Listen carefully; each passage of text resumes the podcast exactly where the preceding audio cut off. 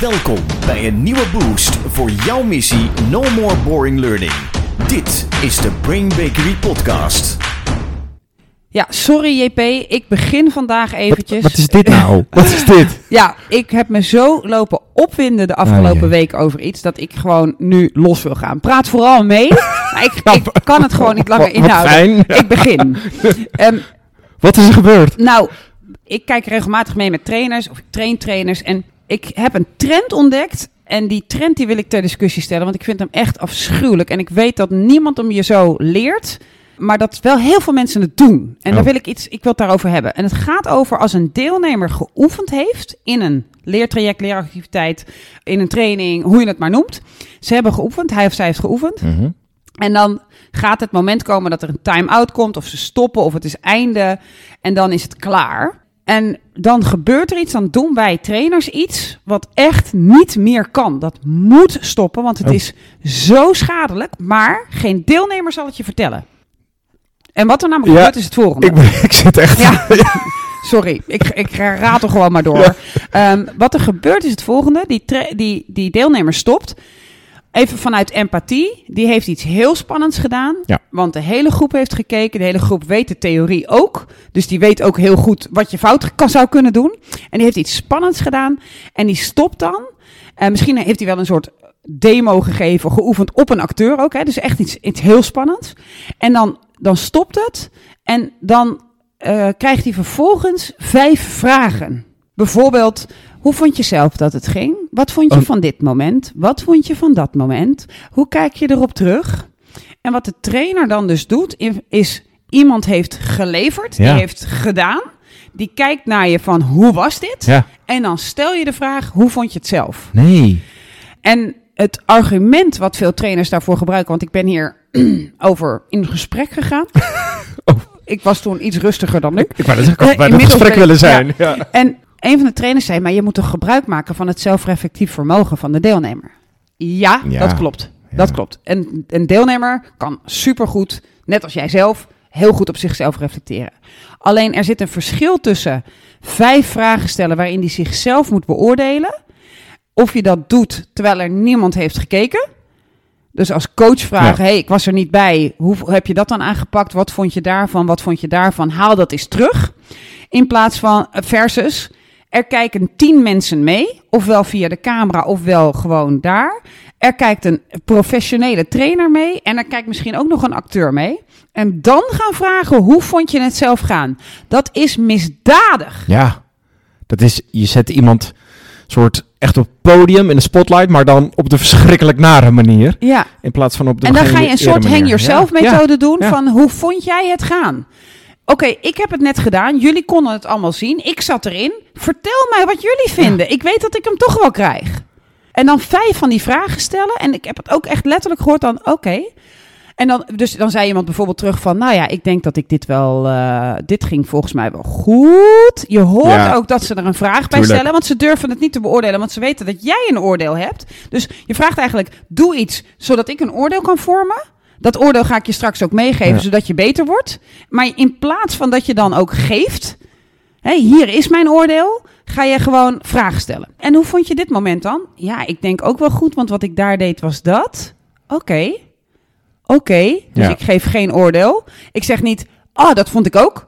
En ik zeg niet, oeh, die vond ik niet. Ik doe een neutrale oké, waardoor je ziet dat die deelnemer eigenlijk nog meer in paniek gaat en sociaal wenselijke, brave antwoorden gaat geven. Dus hij is helemaal niet zelfkritisch Ik bezig. wou net zeggen, je, je bent dus juist het tegenovergestelde en bereiken wat je wilt. Ja, Mensen gaan maar die niet- deelnemer zegt niet, time out, hey, stomme trut, geef mij eens even feedback. Nee.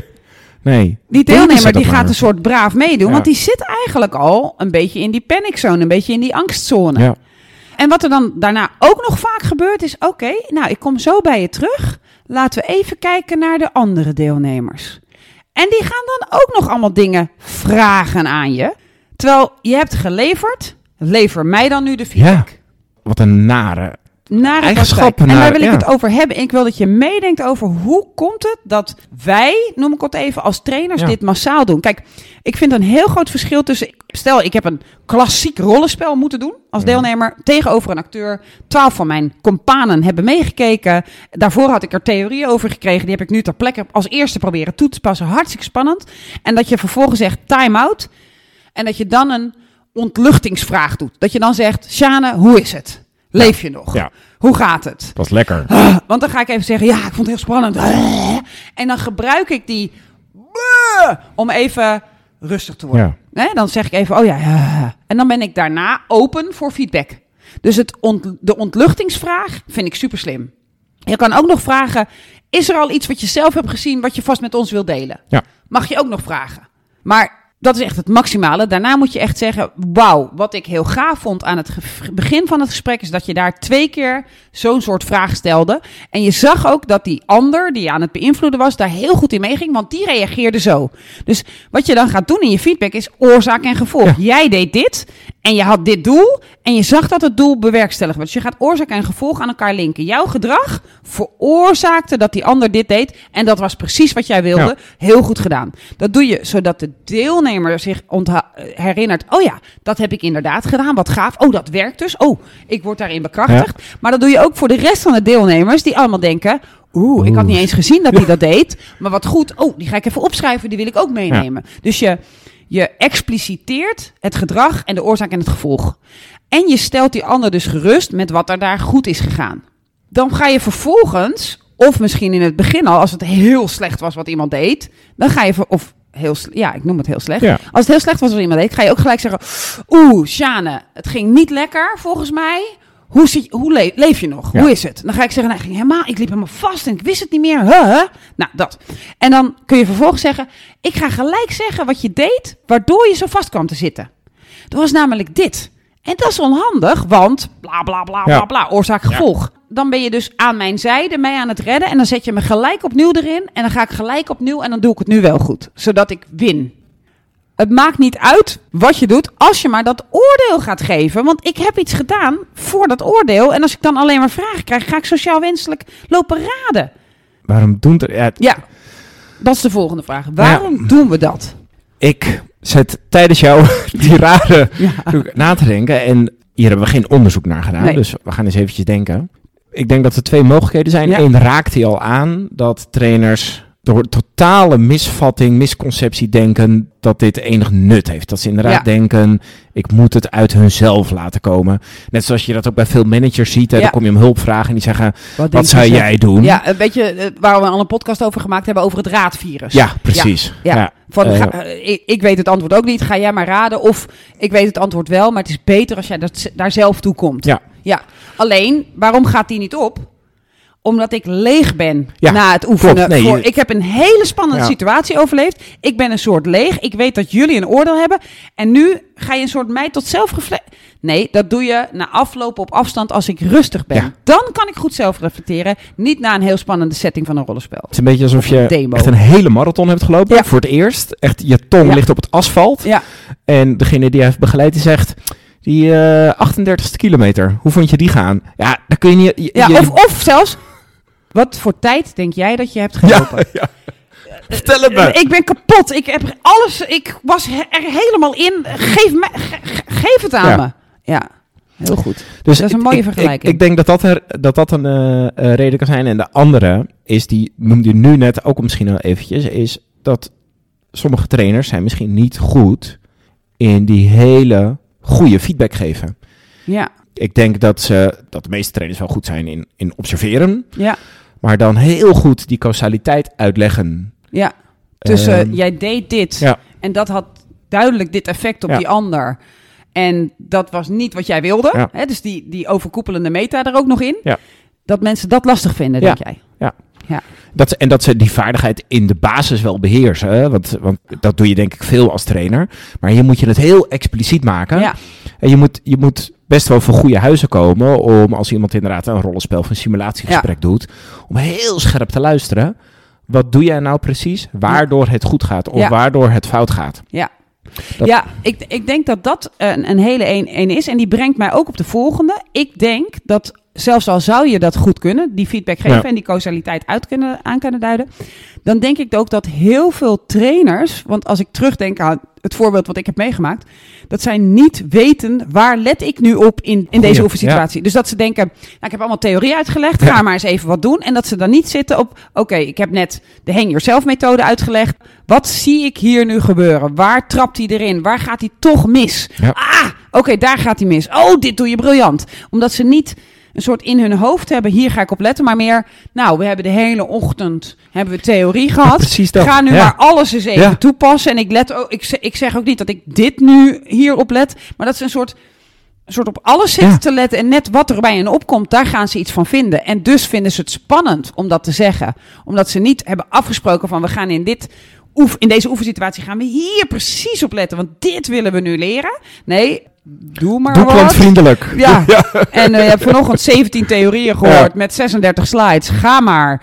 En dan ga ik er dingetjes uithalen. Ja. En ik zeg niet van tevoren wat het is. Dus vind ik het moeilijk om straight te zijn Ja. in mijn feedback. En echt het cadeau van de feedback Ja. te geven. En echt iemand beter te maken en voor hem te zijn. En dus ga ik een soort vaag doen. Want eigenlijk ben je tegen iemand als je dit doet. Het, het Ja. voelt zo beleefd, Ja. want je stelt alleen vragen en je laat het uit de deelnemer zelf komen. Maar eigenlijk breng je hem in een hele bedreigende situatie. Ja, het is, het is echt naar. Ja, Eh, dus ik snap dat je...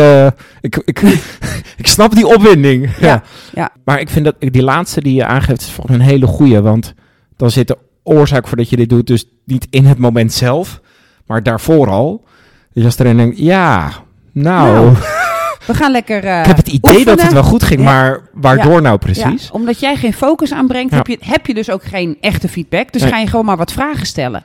En omdat niemand protesteert, mag je dat dus heel lang doen. En dan gaat ook nog de volgende gaat ook nog braaf zitten. Ja. Oh, wat een martelgang. Ja. En het ergste was dat in dit geval. En ik heb dit overigens op heel veel momenten meegemaakt. Dus mocht er iemand luisteren die hierbij was, dan is dit vaker voorgekomen. Ook op andere plekken op aarde. Want dit is een soort trainers eigen ding. Hm. dat ze daarna ook nog zeiden: Ja, is er van tevoren wel bekendgemaakt dat we in deze training werken met een acteur? Want ja, ik krijg zo vaak protesten tegen rollenspellen. Ja, die krijg je dus omdat je niet iemand beter maakt. Dat je niet zegt: Wauw, wat heb je hard geoefend. En ik zet hem nu al stop, want het ging niet lekker. Ik ga je helpen. Ja. Blaas even uit en ik, ik heb een, iets voor waardoor ik je beter maak. Want dan wordt het ineens Hey, lekker. cool, geef het me. Ja, dan Ja. wordt het ineens lekker oefenen voor Precies. een deelnemer in Ja. plaats van die martelgang. Ja, en ik denk ook dus dat het misschien nog één erbij, dat het te maken heeft met welke positie neem je in als trainer. Neem je nou de positie in van ik weet de dingen en ik ga dat niet demonstreren. Hè, Ik, ik, ik- jullie moeten het kunnen, het moet uit jullie komen. Dan neem ik dus een afstandelijke hoge status aan. Terwijl als ik de positie aanneem van, joh, ik ben ook een knurft. Ik doe ook echt heel veel dingen fout. Eh, en over dit ene stukje ga ik je echt uitleggen hoe oorzaak en gevolg hier werken. En hoe je dus invloed kunt nemen hierop. En daar ga ik ook echt je beter in maken. Maar ik ben wel mens onder de mensen en, en niets menselijks is mij vreemd. En ik, trouwens, laat mij hem even uitproberen. Kijken of ik ook op mijn bek ga. Dus het mens zijn onder de mensen heeft Ja. er misschien ook wel mee te maken. Een beetje de afstandelijke, beschouwelijke, hele semi-aardige, maar ondertussen onderhuids spannende, nare trainer. Ja, want het is echt weer, ik heb hem eerder in een eerdere podcast ook genoemd, het is echt weer de beste stuurluist aan aan Ja. wal methodiek. Ja, Eh, ik vind dat jij het nu goed moet doen.